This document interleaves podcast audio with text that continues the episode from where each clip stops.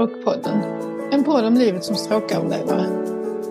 I podden kommer jag, Elin Andersson, att öppet och ärligt dela med mig om livet, dess upp och nedgångar och om hur min vardag som stråköverlevare ser ut. För den 7 januari 2023 började mitt liv 2.0, livet som stråköverlevare. Jag insåg väldigt snart efter insjuknandet att kunskapen och informationen till drabbade och anhöriga, framförallt till oss som är mitt i livet, är oerhört bristfällig. Så min gode vän Ann-Sofie Berg och jag kläckte därför idén om att starta den här podden. Vi hoppas att Stråkpodden ska sprida inspiration, hopp och förhoppningsvis också en del kunskap till alla er där ute som själv är drabbade eller lever som anhörig till en stråköverlevare eller bara är nyfikna på ämnet. Den 7 januari i år drabbades jag av en stor hjärnblödning som jag senare skulle få veta berodde på en fistel. Det är en typ av en kärlmissbildning som hade brustit i min högra hjärnhalva, precis vid hjärnans rörelsecentrum. Innan hjärnblödningen som kom att förändra mitt liv radikalt, eftersom jag till en början var helt förlamad på min vänstra kroppshalva, så levde jag ett väldigt aktivt liv. Jag är gift med Christian och vi har två tonårsdöttrar på 15 och snart 19 år ihop. Vi bor i en en och en halv plans villa i Vellinge som är en liten ort en dryg mil söder om Malmö. Vi har en sibirisk katt, Samira, som är 10 år och en hund, Busse, som är en beagle som är fem år gammal. Jag har alltid älskat att röra på mig och jag har testat många sporter genom åren. Tennis, ishockey, innebandy, pingis, fotboll. Ja, det mesta som fanns att utöva när jag växte upp på 80 och 90-talet. Men de senaste åren har jag blivit mer eller mindre frälst av crossfit och jag tränade detta 4-5 gånger i veckan fram till den 7 januari i år, när mitt liv på ett sätt började om. Även långa promenader ute i naturen med vår hund såg jag till att få till mer eller mindre dagligen i mitt gamla liv. Om ni gillar det här avsnittet så får ni jättegärna dela det så att fler får chans att lyssna. Du kan också välja att följa eller prenumerera på podden så missar du inte när ett nytt avsnitt släpps. Vi hoppas att ni tycker att podden är intressant och vill lyssna. Då var det premiär för oss här i Stroke-podden. Det känns bra att du har tagit detta steget nu för att informera och inspirera andra i liknande situationer tycker jag. Det känns fantastiskt att du nu äntligen kan släppa det första avsnittet. Och extra kul att du Fia vill göra detta med mig. Du har ju faktiskt en del erfarenhet av poddande, eller hur? Ja, i vanliga fall så jobbar jag med en annan podd, Sveapodden. Och eh, i Sveapodden så får eh, karriärkvinnor, hemmafruar och entreprenörer med flera berätta om sina liv och sina karriärer utomlands. Jag bor ju själv sedan nio år tillbaka i Singapore, så det ligger ju mig väldigt varmt om hjärtat att få dela både mitt och andras utomlandsliv. Och eh, både du och jag, vi är ju faktiskt stora poddlyssnare och tycker ju att det är ett fantastiskt sätt att få ta del av människors historier och livssituationer. Men det är också en kanal där man faktiskt kan lära sig massor. Vi lyssnar ju båda två på till exempel träningspoddar och får en hel del inspiration ifrån dem. Ja, verkligen. Och jag satt ju själv på sociala medier och letade efter poddar och information om andra drabbade när jag var på sjukhuset i vintras. Och jag hittade ju bland annat då Katastroke som även en sjuksköterska tipsade mig om. Och hon både är och har varit en väldigt stor inspirationskälla för mig. Men sen har jag faktiskt haft svårt att hitta fler drabbade som delar med sig av sina liv på sociala medier och även poddar. Ja, och sen när du drog igång ditt egna Instagramkonto så gick det ju väldigt fort för dig att få många följare. Och det var väl kanske då du insåg att du är inte ensam att vara drabbad och att det fanns ett väldigt stort behov av kunskap och inspirationskällor för andra i liknande situationer som dig. Precis, och som alla vet så är det ju svårt att berätta några ingående beskrivningar och ha samtal på Instagram. Så därför ville vi starta podden för att andra ska kunna ta del av min och andra drabbades livssituation. Och att vi även ska kunna prata om anhörigperspektivet. Vi har ju gjort en eh, liten plan för vad vi ska ta upp i de här avsnitten som kommer här framöver. Och bland annat då i detta avsnittet så kommer ju både du och din man Christian att få berätta om när du fick din stroke. I nästkommande avsnitt så har vi med Susanne som var den personen som ringde ambulansen. Hon fanns på plats där. Eh, vi kommer framöver också prata om tiden på sjukhuset, din rehabilitering. Och så kommer vi såklart att försöka få med så mycket träningsinspiration som möjligt. Ja, det kommer vi prata om. Och sen så vill vi gärna att ni som lyssnar kommer med idéer och förslag på samtalsämnen och även på eventuella gäster som vi kan prata med här i podden. Man kan ju bli drabbad av stroke på många olika sätt och vi vill gärna ha ett brett ämnesregister på denna podd. Men ja, då kör vi väl igång det första avsnittet. Hej! I detta första avsnitt kommer vi att få höra om när Elin fick sin stroke, vad som hände de första dagarna. Och i detta avsnittet kommer vi också ha med oss Elins man Christian. Han kommer få berätta sin upplevelse av vad som hände den här dagen. Så välkommen Christian! Ja, hej, eh, Christian heter jag. Ehm, jag eh, är Elins man och vi träffades första gången 1996. Och eh, sen dess har vi hållit ihop och vi gifte oss 2009. Och vi har två barn ihop. Jag jobbar på Sjöfartsverket i Malmö som VTS-operatör. Man kan jämlika det med flygledare till flyget fast för fartyg. Så jag övervakar sjötrafiken i Öresund. Här mellan Skåne och Danmark. Välkommen Christian hit. Den 7 januari då, det var ju en helt vanlig lördag för de flesta av oss. Men för dig Elin så blev det ju helt annat än en vanlig dag. Kan du berätta lite hur den här dagen startade? Ja, den, eh, den startade precis som helt vanlig lördag. Eh, jag hade ställt klockan eh, för jag skulle upp och träna så jag brukar göra på, på lördag förmiddagar. Så jag gick upp vid 27 och fixade lite frukost för att jag visste att Christian skulle komma hem från sitt nattjobb. Så vi åt frukost ihop och ja, allting kändes precis som vanligt. Jag mådde bra och såg fram emot en fullspäckad dag som jag oftast hade i mitt förra liv. Ehm, vi skulle, jag skulle träna och sen så när Christian vaknade så skulle vi iväg och fixa lite ärenden för min mamma fyllde 70 dagen efter. Så vi hade en del att fixa med. Så efter frukosten så tog jag vår hund och gick ut en eh, morgonpromenad som jag alltid brukar göra innan träningen med honom. En halvtimme. Det var lite kyligt här skånskt vinterväder med ja, duggregn i luften och eh, isiga vindar och så. Så inte jättehärligt väder. Men eh, vi gick vår vanliga promenad i alla fall. Och sen när jag kom hem så tog jag bilnyckeln och eh, tog bilen till gymmet och såg fram emot ett roligt träningspass. Och ja, jag hade inga föraningar alls utan mådde precis som jag brukar göra. Var pigg och glad och såg fram emot träningen. Så det var ingenting som indikerade på att någonting var fel eller att du hade känt någonting dagarna innan eller någonting sånt? Typ huvudvärk eller kanske ont någonstans eller trött och sliten? Nej, ingenting alls. Utan vad jag minns det som, jag försökt tänka tillbaka, så mådde jag precis som vanligt. Inga, ingenting konstigt alls, utan ingen, ingen känningar i huvudet, ingen trötthet, ingenting, utan pigg och, och glad och så fram emot helgen. Mm. Och du, du har ju diabetes, det har du haft sedan du var nio år. Och eh, den sköter du ju väldigt bra så du har ju också kanske lite extra koll på hur du mår. Du måste ju kolla ditt eh, socker bland annat och känner efter lite extra. Men, men det var ingenting sånt. Nej, ingenting sånt heller. Utan jag har som du sa, jag har liksom stenkoll på mitt blodsocker, speciellt innan träningspass. Jag vet vad jag äter till frukost och jag har en sensor som jag har, eh, kan se i min mobil i en app där blodsockret ligger på. Så att när jag kom till gymmet så låg blodsockret bra och jag ställde mig och småpratade med mina kompisar eh, som jag brukar träna med. Och vi pratade på ja, inför passet som vi brukar och blodsockret låg som det skulle. Och då kommer du till gymmet och du känner dig redo och sugen på att träna och allting känns bra. Kan du berätta vad som hände? Eh, jag kom till gymmet som sagt, parkerade bilen och gick in och träffade mina träningskompisar. Och vi brukar alltid stå och snacka, vi brukar vara ganska tidigt där. Så vi hade, väl en fem-tio minuter till godo till passet skulle börja. Så vi stod och småpratade som vi brukar i, inne i boxen. Eh, och så kom en av eh, tjejerna fram till mig och frågade, man kör alltid de här passen oftast två och två i team. Så då kom hon fram och frågade om vi skulle köra ihop. Och jag minns att när hon ställde den frågan till mig så tog hon mig liksom så maxten och sa Elin ska vi köra idag? Och då minns jag att det liksom snurrade till i huvudet på mig. Ingenting som gjorde ont alls utan mer bara som ett, alltså ett blodtrycksfall. Jag har lågt blodtryck har jag alltid haft eh, så att jag vet hur det känns. Man blir liksom lite yr i huvudet och så brukar det, man tar det lite lugnt och så brukar det ordna upp sig.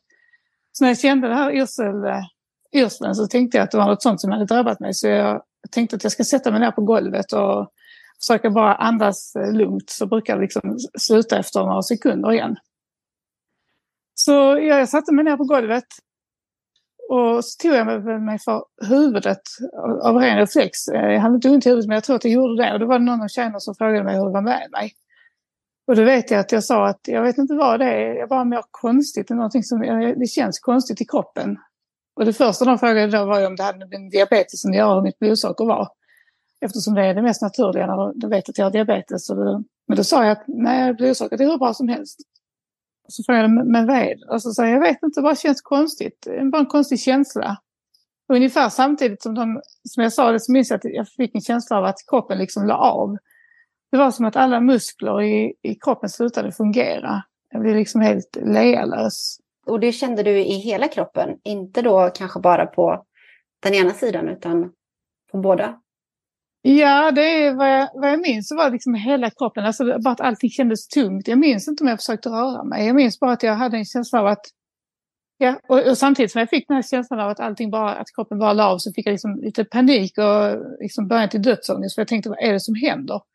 Någonting är himla fel. Det var det enda jag kunde känna, även om jag inte hade ont någonstans, så kändes det, jag bara hade en känsla av att allting var, det var jättefel. Satt det fortfarande upp eller hade du lagt dig ner då? Nej, då satt jag fortfarande upp vad jag minns. Men så vet jag att en av tjejerna frågade alltså, om det var allvarligt, om de skulle ringa ambulans. Och då minns jag att jag tänkte, men herregud, ambulans, så farligt kan det väl inte vara. Det här måste ju ordna upp sig snart. Så jag tror att jag svarade att det behövs inte just nu. Men samtidigt så fick jag eh, sån himla ångest av att inte förstå vad det var. Så jag började liksom i mitt huvud själv analysera situation, situationen och tänka, vad kan det här vara för någonting? Jag visste ju, jag tänkte direkt att diabetes kan jag utesluta, för jag vet att blodsockret är jättebra. Och jag, hade liksom, jag kände att eh, jag hade liksom inte något så här att jag hade hög puls kändes det inte som. Utan mer bara att det kändes jätte, jättekonstigt, svårt att beskriva. Hade du ont någonstans? Nej, inte alls vad jag kan komma ihåg. Inte ont alls, så bara, bara en känsla av att, allting var, att någonting var väldigt fel. Så det enda jag kom att tänka på då var att jag hade drabbats av, eh, jag tänkte, tänk om jag fått sån här aortabråck, att eh, huvudpulsådern har brustit. För det vet jag, jag har en släkting som, som gick bort i det jag har bara hört att det ska inte kännas så mycket utan man bara liksom ramlar ihop och dör knallfall. Så att det var liksom det enda jag kunde tänka att det var det jag hade drabbats av. Och då fick jag en sån dödsångest. Jag tänkte att någonting är jäkligt fel och jag kommer att ligga här och dö. Så jag vet att jag började säga till, till mina eh, vänner där att shit jag kommer att dö. Det är något som är jättefel. Det känns som att jag kommer att dö när som helst.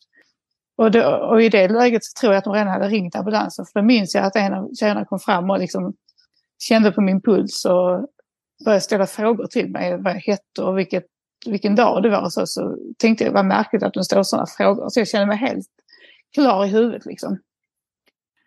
Bara kände att någonting var jättefel. Och sen så vet jag att jag hörde att det var en av de andra tjejerna som började prata om att de måste få tag på Christian. Och jag var ju fortfarande helt med och klar i huvudet så jag vet att jag sa att nej men det är inte lönt att ni försöker få tag på honom för att han eh, ligger hemma och sover. Han har jobbat natt och när han har jobbat natt så har han öronproppar i, i öronen för att han inte ska vakna med massa oljus. Det är inte lönt att ni ringer och knackar för han kommer inte att höra någonting. Kunde du prata normalt? Alltså det var, var ditt tal som vanligt eller kändes det som vanligt eller var det någon som sa något om det? Nej, det var ingen som sa någonting om det och det kändes helt som vanligt. Jag minns inte att jag hade svårt att uttrycka mig alls utan mer bara att jag ville försöka förmedla att lägg inte tid på att åka hem där för han, han kommer inte kunna eh, alltså, vakna av det här ändå. Liksom. Och jag vet också att jag sa att eh, Olivia, vår äldsta dotter, hon är i stallet och jobbar så hon är inte hemma. Och Moa, då yngsta dottern, hon ligger och sover på omvändningen. Så att hon, en tonåring som ligger och sover, är inte lättast att väcka heller. Så jag tänkte att det är helt lönlöst att försöka åka hem där och få tag på någon.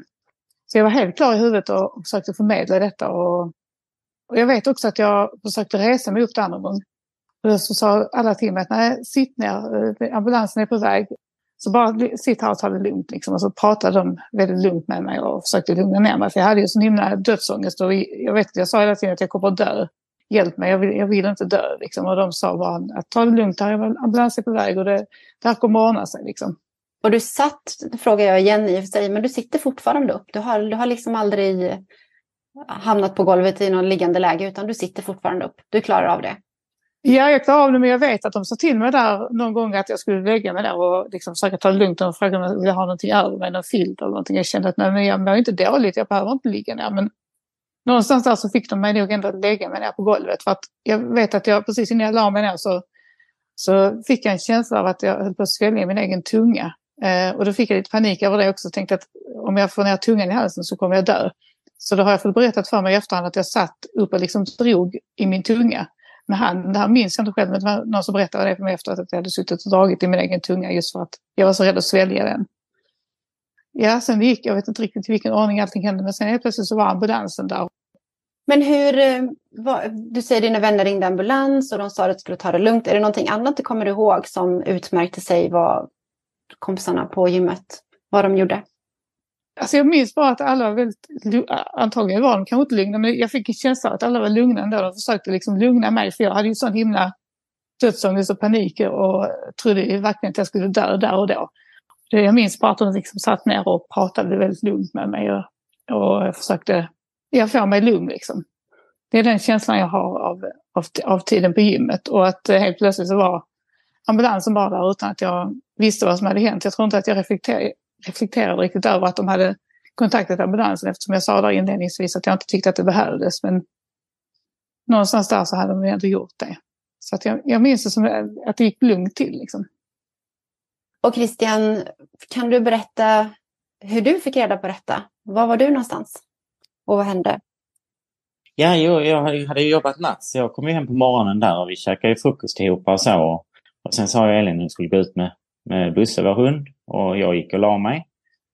Och ja, jag somnade ganska, ganska omgående efter en natts, jobb. där.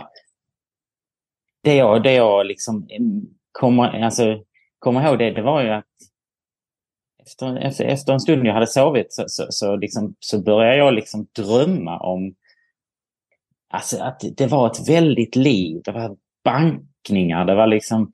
Ja, det, det, det kändes som liksom någonting, alltså, jag, och jag drömde där hela tiden att, att eh, det, det kändes precis som eh, att det exploderade utanför huset och så. Så alltså i, i, i min första tanke och i drömmen tänkte jag där att alltså, har, har kriget kommit hit nu? Har ryss, ryssarna kommit hit?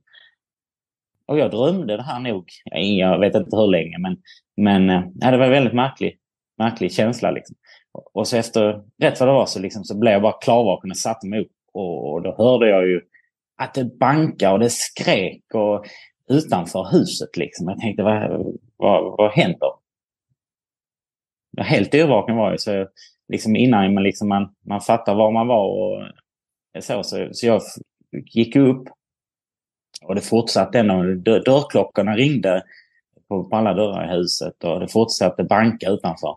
Jag tänkte alltså det, det är någon som försöker ta sig in i huset. Så, så, så jag gick upp på ovanvåningen för jag visste att vår yngsta dotter låg där uppe och sov. Hon var lika chockad som jag när jag kom upp och frågade vad som händer. Så, och även min äldsta dotters kille, han, han eh, hade också legat och sovit. Han kom helt upp, ut helt yrvaken också och undrade, undrade vad som hände. Men, men jag ser en stor svart bil nere på gatan. Då, då, slår det mig direkt för vi, vi har kompisar här i grannbyn här som har precis en sån bil. Det, det, det, det är deras bil. Så, så jag springer ju ner igen och öppnar och då står eh, min kompis Sebastian utanför. Eh, och, och liksom första han säger bara det har, det har hänt någonting med Elin på gymmet. Hon har ramlat på gymmet, kommer jag ihåg han sa. Så Sebastian när han kom, var, verkade han eh, panikslagen? Nej, han verkar nog rätt lugn. Men han har sagt efteråt att det, det, det, var, det var nästan så jag gav upp och åkte hem för, för, för det verkar inte vara någon hemma. Så du eh, klär på dig, hoppar in i bilen, tar dig ner till gymmet och vad möter dig där när du kommer dit?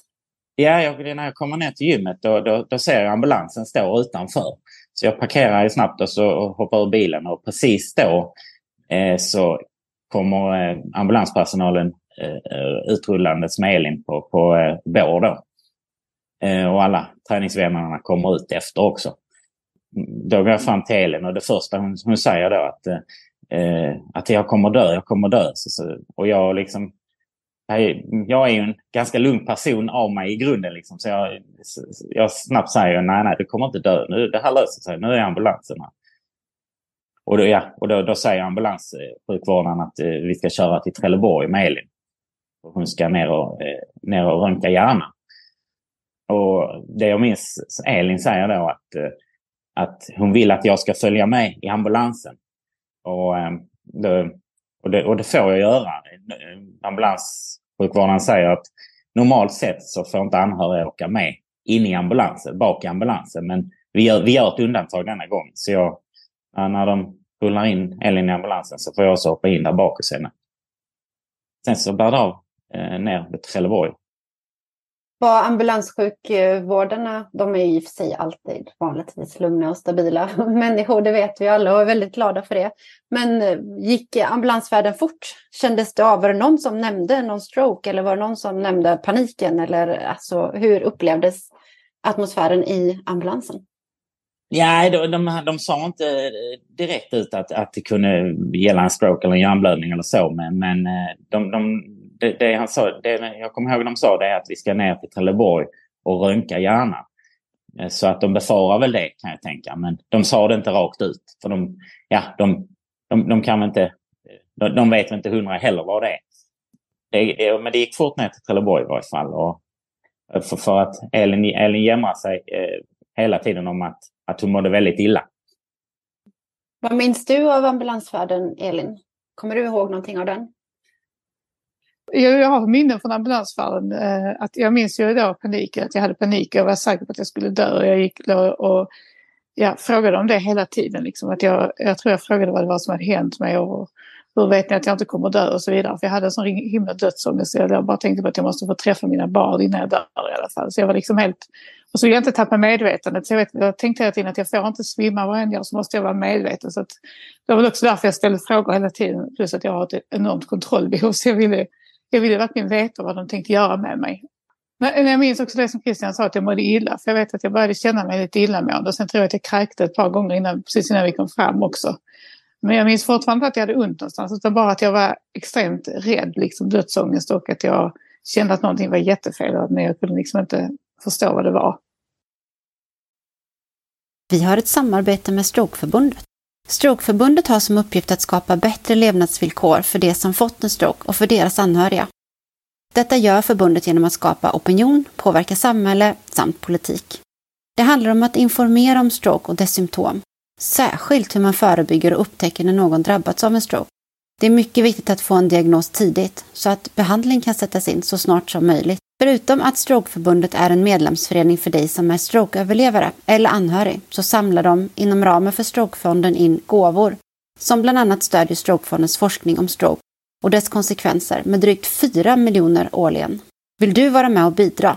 Gå in på strokeförbundet.se. Där kan du skänka en gåva och själv bli medlem. Vi har ett samarbete med Optima Rehab. Behöver du rehabilitering? Optima Rehab erbjuder intensiv rehabilitering i Spanien. I tre veckors tid, fem dagar i veckan, sex timmar per dag tränar du med specialister inom rehabilitering. Du tränar med fysioterapeuter, arbetsterapeuter och neuropsykologer. Har du problem med talet så får du träna med en logoped. Du kan få ersättning för rehabiliteringen via Försäkringskassan. Optima Rehab hjälper dig att ansöka. Ring 08-663 33 49 eller mejla till info optimarehab.se. Kan du inte resa men behöver träning? Då rekommenderar vi Optima Online. På Optima Online hittar du träningsfilmer, alla anpassade för personer med funktionsnedsättningar. Gå in på www.optimaonline.se. Och vad hände sen när du kom fram till Trelleborg? Vem, vem av er minns, minns det här bäst? Gör du det Christian? Eller? Ja, när vi kom fram till Trelleborg då, då rullade, rullade de in Elin i, i ett akutrum där och eh, där de då tog blodprover. Jag fick sätta mig ner på en stol med en sköterska i, i änden av rummet. Men de tog i alla fall en massa blodprov på henne och eh, blodsocker bland annat och så. Och sen så sa läkaren då eh, att eh, vi ska eh, åka ner till röntgen och eh, röntga hjärnan. Eh, så, så då, då kommer jag ihåg, jag följde med och då var vi väl en, ja, det var läkare och ett par sköterskor och, och Elin då och jag som, som åkte ner en hiss ner ett par våningar ner till röntgen i Trelleborg. Och sen rullade de in henne på röntgen och jag fick sitta utanför en stol och vänta med en sköterska. Gick allt det här snabbt när du kom fram till sjukhuset och blodprovet tas och röntgen och allting? Kan du, minns du tidsförloppet eller var det? Det gick snabbt, så jag tror inom, säg, inom tio minuter så var vi nere på röntgen. Det gick väldigt snabbt med blodprover och så. Ja, de, de ville, ville väl få igång det här fort och se vad det var. Precis. Och vad hände sen då? Efter röntgen har tagits, vad får ni göra då? Eh, ja, och det tog väl en, kanske en kvart, 20 minuter röntgen. Det flyter ihop tiden lite, men en 20 minuter skulle jag tippa.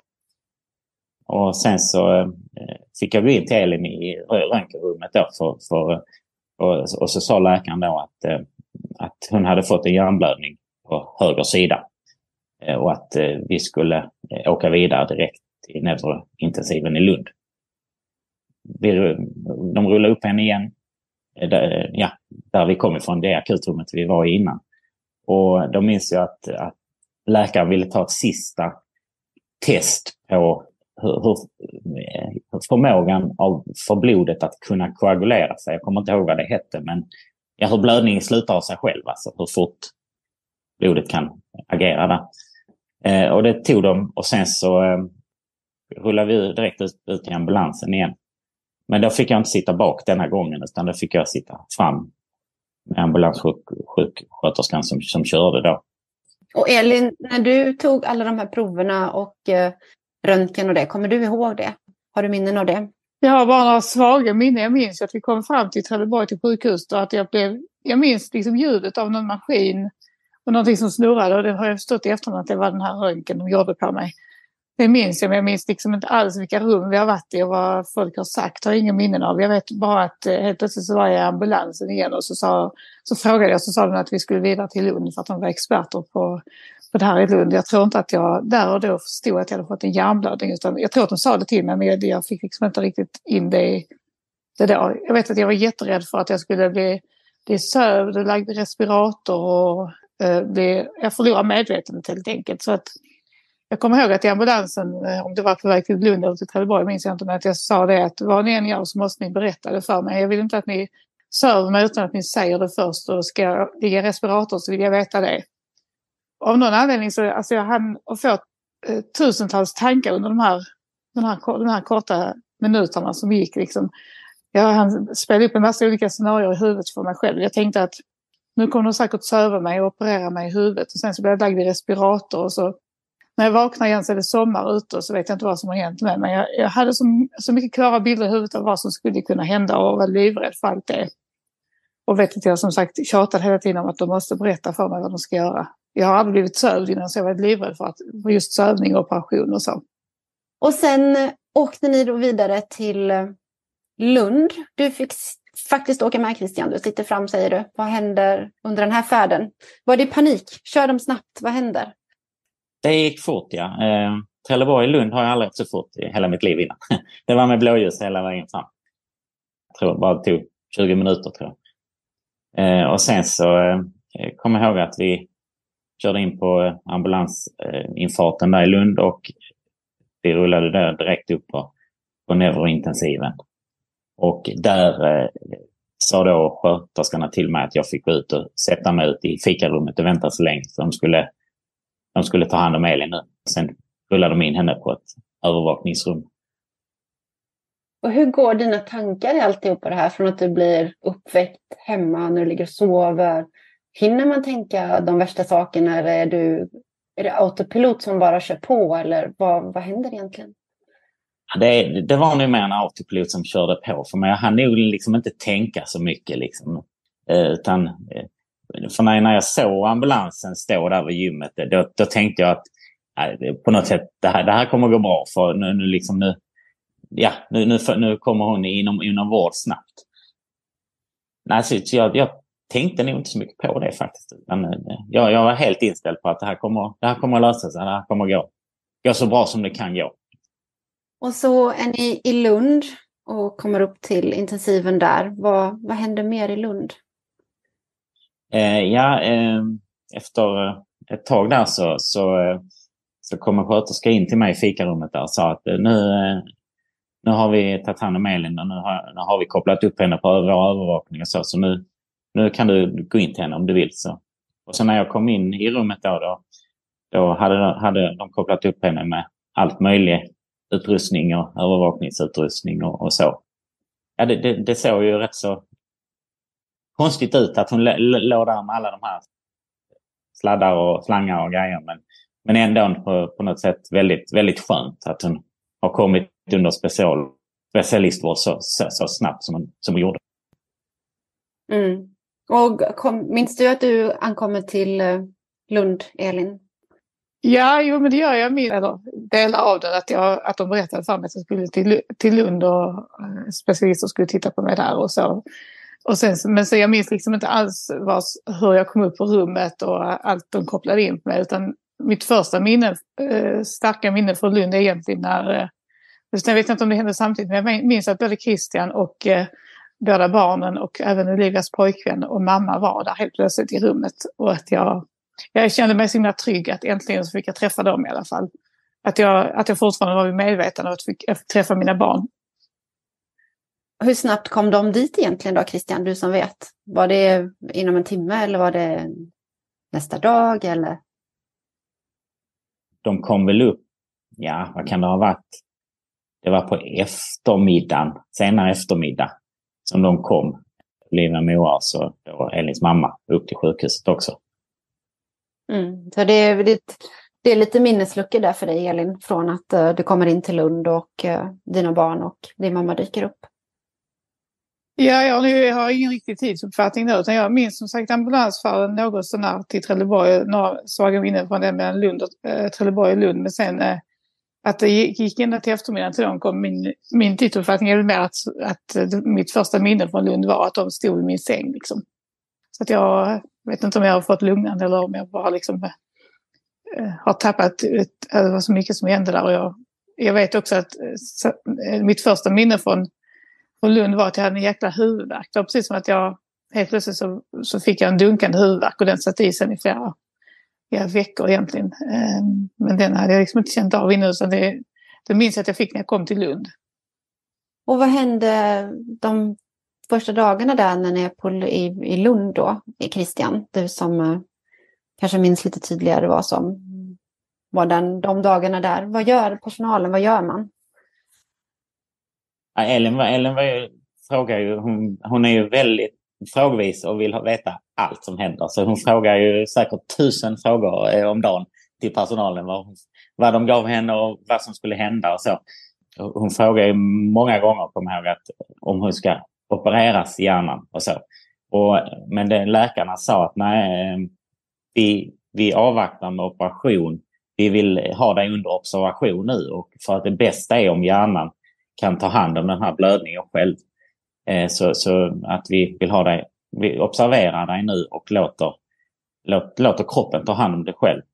Förutsatt att, att det inte blir värre, för då, då kan det bli tal om operation akut. Men annars är det, är det bäst för, för Elin själv om, om, om kroppen tar hand om det. Så, så hon låg ju under observation i, i sängen och de hade ju kontroll på henne dygnet runt där i akutrummet. Eller, men eh, kom ihåg, hon hade ju, hon hade ju väldigt ont i, ont i huvudet som, som hon sa och eh, sen även i armen, vänster arm. Tog smärtan till efter ett tag.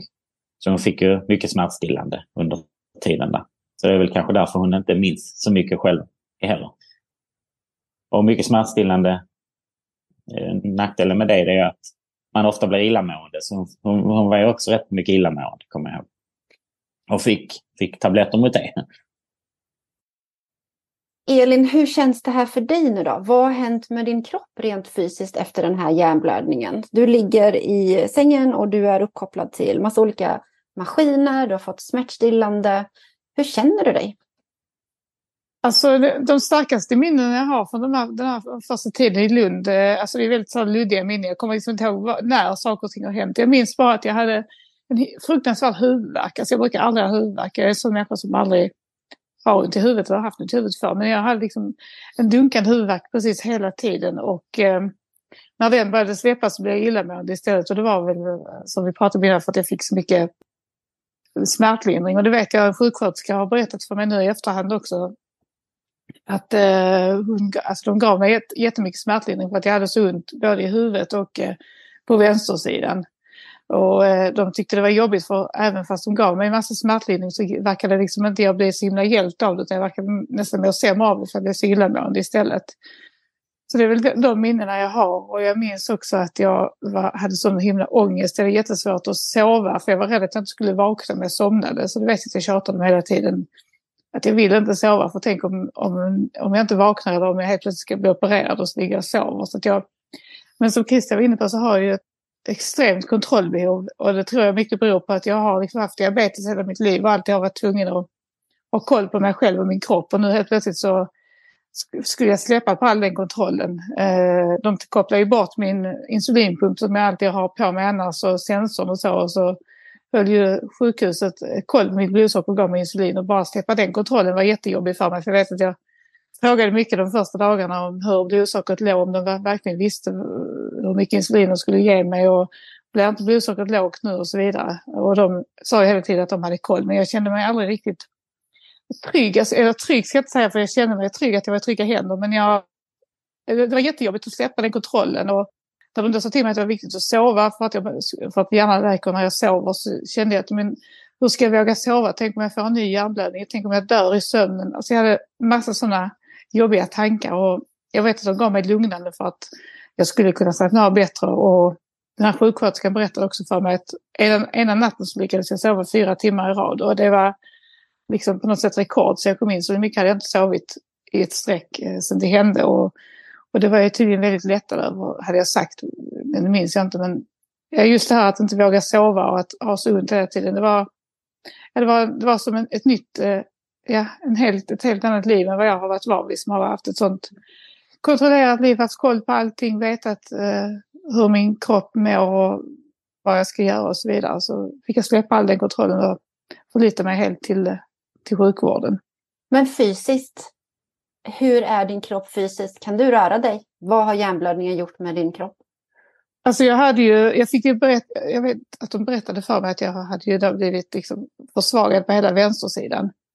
Jag minns inte att jag själv märkte av det. Eh, antagligen för att jag var så pass trött och, och dålig de här första dagarna. Så jag, alltså jag hade ju kateter och jag fick inte äta någonting för eftersom jag var under observation för att kunna bli opererad så fick jag ju fasta. Så att jag hade ju inget behov av att kunna röra mig eller upp och stå eller gå. Så därför så minns jag liksom inte att jag reflekterade över att kroppen inte fungerade så vanligt. Men jag har ju fått berättat för mig att jag, att jag ställde sådana frågor, även om jag inte minns. Utan det var väl mer sen när efter, sista halvan av veckan när jag fick lov att resa mig upp och, och faran för operation var över jag fick börja äta igen. Det var väl då jag märkte av att kroppen inte funkade som innan. Att jag behövde hjälp bara för att ta mig från sängen till rullstolen. Och när jag fick äta så kunde jag inte jag kunde liksom inte tugga runt maten i hela munnen utan jag fick ha hjälp att, att få ut maten som, som, som fastnade på, på vänstersidan med någon stor typ bomullstuss eller någonting. För jag kunde inte själv tugga den för hjärnblödningen har gjort att du är förlamad på vänster sida, eller hur? Ja, precis. Blödningen satt på höger sida och då har den lett till att man blir förlamad på, på vänstersidan. Och visste du det Christian? Visste du, sa personalen till dig att uh, Elin är förlamad på halva, på vänster sida? Ja, jo, men det, det, det berättade de och, och det, det, märkte man ju ganska tydligt också sen när man eh, såg på Elin att för vänster öga liksom följde inte med högerögat utan det stod liksom bara eh, stirra rakt fram. Liksom. Så att, och sen hängde ju även vänster sida i ansiktet och mungipan häng, hängde ner. Liksom. Så att man, man, man märkte ju att hon var påverkad på vänster sida. Det, det gjorde man tydligt. Mm. Så de här första dagarna så är det mest eh, du eh, försöker överleva dagarna helt enkelt och, och vila så mycket som, som möjligt. Sen eh, i slutet på den veckan när du fortfarande ligger kvar på Lund, hur förändras någonting då eller är det ungefär samma läge? Alltså jag har ju lite mer klara minnen från de sista dagarna i Lund. Alltså då minns jag till exempel att min syster kom och hälsade på mig tillsammans med min mamma och att jag fick, satt upp i rullstolen och, och umgicks med dem. Liksom. Sen så har jag sett bilder på mig där de har fått palla upp mig med kuddar bakom ryggen och så för jag kunde inte sitta rakt upp själv och så. Men jag, jag, har lite, lite mer minnen därifrån och att barnen, eh, Olivia kom och gick skolan i Lund och så kom efter skolan och hälsade på mig tillsammans med mamma. Sådana lite klara minnen har jag från, från sista halvan av veckan. Jag minns också att eh, det kom en sjukgymnast eh, till mig de sista dagarna och började försöka lite smått eh, träna med mig eller röra på mitt ben och min arm lite smått och så visa lite olika rörelser som jag kunde göra i sängen. Har jag lite svaga minnen av. Och att de sa till mig att jag nog snart skulle få flytta till mitt hemsjukhus som då var Trelleborgs lasarett. Så att jag skulle snart bli utskriven från neurointensiven. Första eller andra dagen så jag hade ju, det var ju mitt under jullovet, jag skulle börja jobba igen på måndagen efter, eh, det här hände på lördagen. på måndag skulle jag börja jobba. Eh, jag jobbade som, som konsult och jag hade massa möten inbokade och jag hade liksom min dator hemma och så. Så då vet jag att jag sa till, jag var så pass med så jag kunde säga till Christian att du måste kontakta min eh, chef och berätta vad som har hänt och så måste du säga att hon avbokar de här mötena. För jag hade fullt koll i huvudet på vilka möten jag skulle ha. Och jag kom ihåg lösenordet till min dator och så. Så, att jag, så Christian fick ju kontakta ja, mitt jobb och min chef och säga liksom vad som hade hänt och att, att eh, det här, eh, de här mötena måste ställas in. Eh, och sen då efter när några dagar hade gått så kunde jag själv börja ha koll på min egen telefon och då såg jag att många vänner hade hört av sig, släkt och vänner eh, och frågat hur det var med mig och jag visste också att Christian hade svarat många av dem men vi kom på det att det var lättare för mig att skicka ljudmeddelanden än att skriva sms. För det är svårt med att liksom sköta mobilen med sms med en hand. Så att, eh, och det var lättare för mig att lyssna på ljudmeddelanden också än att läsa sms. För jag såg ganska dåligt den här första tiden. Så att, eh, så var det många vänner som hörde av sig med fina meddelanden och liksom sa att de tänkte på mig och, och berättade lite om, om vardagen hemma hos dem och så, så det blev lite mer jag fick en liten eh, blick utanför sjukhuset så det var väldigt tacksamt och så kunde jag svara då via ett ljudmeddelande. Så de fick höra min röst och höra att jag ändå var vid eh, hyfsat gott mod. Så det, det, är också några sådana skarpa minnen från första tiden. Och du Christian, du skapade ju också ganska omgående en, eh, en, grupp, en grupp i Messenger där alla vi vänner var med. Och det är ju någonting som jag känner också att det var ju något eh, otroligt bra. Man var så tacksam för det. Att man hela tiden kunde få en liten kort uppdatering om vad som hände. Man, man, man vaknade på morgonen och undrade om Elin hade sovit gott på natten eller om hon hade ätit eller om det liksom var stabilt. Enkla små grejer och då hade du hela tiden lagt, lagt in det där. Det är, tror jag det är många med mig som är väldigt, väldigt tacksamma för. Ja, jo, jo det, det, det var faktiskt ett jättebra sätt att kommunicera ut eh, lite uppdateringar och så. För, för, eh, man, man, för man märkte ju själv när man kom hem på kvällen att, att mm, många bryr sig, många vänner och bekanta bryr sig och skickar ett sms och så. Eh, det blev lite ohållbart att svara på alla, alla till slut. Så att, och, då, och skapa den här gruppen då, för då kunde man ju liksom ja, kunde alla få sina uppdateringar eh, på hur statusen var och hur det gick för Elin. Så att det var det, det, det tror jag uppskattades av många. Mm. Och även hur det var med dig. Man är ju alltid som eh, vän eller släkt eller någonting sånt när något sånt här händer, hur den närmsta familjen, hur de mår också. Det är ju någonting som man gärna vill veta. Hur upplevde du de här dagarna, Christian? Den här slutet på den veckan i Lund? Blev det någon förändring eller? Ja, men det ty tycker jag definitivt det blev. För, för framförallt då i slutet där när, när eh, då var jag och barnen där och, och, och Elin skulle äta kvällsmat. Ja, normalt, i, i, i normalt sett så, så gjorde hon ju det i sängen och man fick liksom, nu, hon kunde, nu kunde hon i, äta lite med, med, alltså med höger hand själv liksom och behjälpligt liksom. så man fick ju hjälpa henne rätt mycket ändå. Men, men då sa ju en av sköterskorna, men nej, är det inte, är det inte bättre att, att, att du sätter dig i en rullstol och, och vi rullar ut dig i lunchrummet så kan ni äta där? Och där, där, det, det blev liksom en vändpunkt på något sätt. Alltså för, då, för, för vi gick ut och satte oss och sen så efter tio minuter då, då kom Elin, då rullade de ut Elin i rullstol och satt oss liksom upp. Eh, ja, sen satt vi vid bordet ute i, i lunchrummet och åt. Så att det, det, det, var, det var häftigt att se faktiskt. För då, då, det var, då gick det i rätt riktning märkte jag att det här kommer, det här kommer bli bra. Så att man, man, såg ju, man såg ju små framsteg hela tiden och, och, det, och i slutet av veckan så började även, även öga, vänster öga och, och följa med höger öga. Så det kunde ju, de föl, följdes åt. Det var tydliga tecken på att saker och ting stabiliserade sig. Och eh, det var ungefär en vecka i Lund, eller hur Elin? Ja, det var det. Jag kom in på lördag och sen fick jag flytta till Trelleborg på fredagen, så det var nästan exakt en vecka. Precis. Och varför flyttades du till Trelleborg då? Var, det var läget så pass stabilt då? Ja, precis. Då, då, då, tyckte de att det var liksom den mest akuta fasen över. Den här risken för, för att, eh, skulle, att blödningen skulle behöva opereras var borta. Jag minns de gjorde en ny CT-röntgen på mig på onsdagen, tror jag det var. Det minns jag, de rullade in i det här observationsrummet där jag låg och röntgade huvudet igen. Och då kunde de se att blödningen hade slutat. Så att det hade stoppat av sig själv. Och det var väl ett tecken på att jag inte behövde intensivvård längre eftersom att då hade, hade kroppen själv startat läkningsprocessen. Så, att säga. så det var ju i samband med det som de bestämde då att då kunde jag komma hem till mitt hemsjukhus till neurologi och den i Trelleborg istället.